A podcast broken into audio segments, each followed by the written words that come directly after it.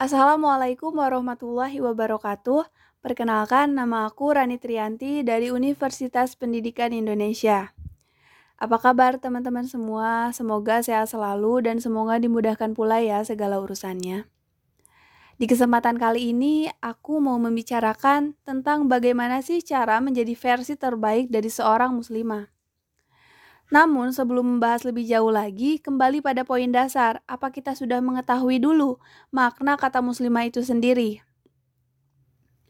Jadi, muslimah ternyata kata serapan dari bahasa Arab yang memiliki makna perempuan yang menganut agama Islam. Namun kiranya telah terjadi penyempitan makna dari kata muslimah itu sendiri. Paradigma di masyarakat, seorang muslimah itu selalu diidentikan dengan perempuan berhijab, perempuan pendiam, perempuan pemalu, dan sebagainya. Padahal, melihat dari kebahasaan, makna muslimah itu berarti perempuan yang menganut agama Islam, tidak peduli ia tidak berhijabkah, atau ia tidak pendiamkah, tidak pemalukah, atau ia jarang mengikuti kajiankah. Selama perempuan itu beragama Islam, ia tetaplah seorang muslimah. Jadi benang merahnya adalah semua perempuan yang beragama Islam disebut muslimah. Namun yang menjadi masalah adalah apakah seorang muslimah tersebut sudah memilih menjadi versi terbaik dari dirinya. Itulah poin yang akan kita bahas di sini.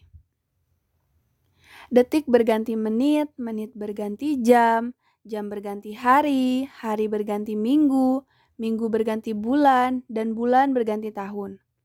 Begitulah siklus waktu. Aku yang dulu bukanlah aku yang sekarang.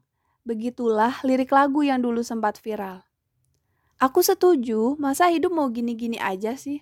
Sungguh rugi ya kan jika kita sebagai muslimah tidak berproses menjadi lebih baik. Kupu-kupu. Nah, kupu-kupu identik dengan apanya sih? Iya, kupu-kupu identik dengan metamorfosisnya. Siklusnya berawal dari ulat, menjadi kepompong, kemudian barulah menjadi kupu-kupu yang indah. Prosesnya panjang dan pasti banyak cobaan. Baik cobaan cuaca, cobaan pemangsa, atau cobaan lainnya.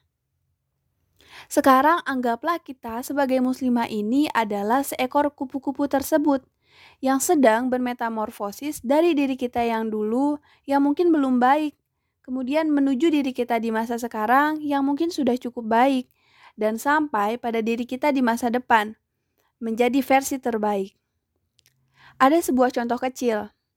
Misal, dulu kita jarang sholat lima waktu. Kemudian kita berproses menjadikan diri kita lebih rajin sholat lima waktu. Kemudian lagi, kita harus bertekad di masa besok, kita harus menjadikan diri kita rajin sholat lima waktu ditambah sholat sunnahnya. Contoh lain, Mungkin kemarin kita belum berhijab. Kemudian hari ini kita berproses belajar menggunakan hijab. Dan besok harus kita tekadkan untuk berpakaian sesuai syariat Islam. Itulah yang dinamakan proses atau metamorfosis dari seorang muslimah. Sebagai seorang muslimah, janganlah takut untuk berubah menjadi lebih baik. Yuk, keluar dari zona nyaman dan aman, dan jangan banyak alasan. Contoh, aduh sebenarnya aku mau berhijab, tapi kalau aku berhijab nanti aku nggak cantik lagi. Rambutku yang bagus ini nanti nggak kelihatan orang. Nanti rambutku bau, lepek. Duh, mau sih berhijab, tapi takut hijabku ini menghalangi aku menggapai cita-cita. No, no, no, no, no, no. Tolong dihempaskan pikiran itu jauh-jauh. Siapa bilang hijab menghalangi cita-cita? Siapa bilang hijab menjadikan muslimah terbatas dalam berkegiatan? Siapa? Siapa yang bilang?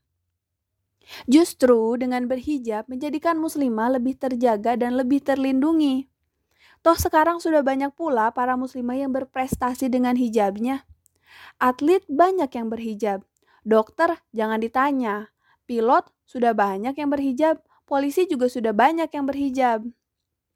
Nah jadi teman-teman, seorang muslimah itu jangan hanya berfokus pada kecantikan, karena kecantikan itu sifatnya fana dan relatif. Dan seorang muslimah pun jangan hanya berfokus pada kecerdasan, karena kecerdasan tanpa didasari iman akan berujung pada penyesalan. Idealnya, seorang muslimah itu harus menyeimbangkan antara kecerdasan pikiran, kecerdasan emosional, dan kecerdasan spiritual yang akan menjadikan dirinya menjadi versi terbaik dari seorang muslimah. Dan teman-teman semua, sebagai seorang muslimah pun harus punya cita-cita dan tujuan. Ingin lebih sukses, ingin lebih kaya, ingin lebih kurus, ingin jadi orang terkenal. Well, boleh-boleh aja muslimah itu justru harus punya tujuan dan mimpi. Namun, sebagai muslimah, selain ingin menjadi orang hebat, jangan lupa juga untuk tetap menjadi orang baik. Kenapa? Hakikatnya, setiap muslimah itu dilahirkan dalam keadaan baik. Namun, lingkunganlah yang sering membuat muslimah tersebut berubah. Kesibukan sering menjadikan kita sebagai seorang muslimah ini menjadi kurang peka Tugas yang menumpuk sering menjadikan seorang muslimah menjadi nggak sabaran, mudah marah, dan emosian. Karena ambisi, seorang muslimah pun bisa menjadi individu yang egois.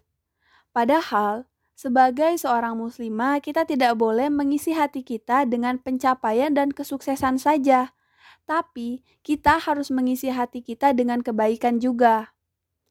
Nah, jadilah versi terbaik dari seorang muslimah yang sabar, lebih peka, lebih peduli, ramah, dan penuh empati.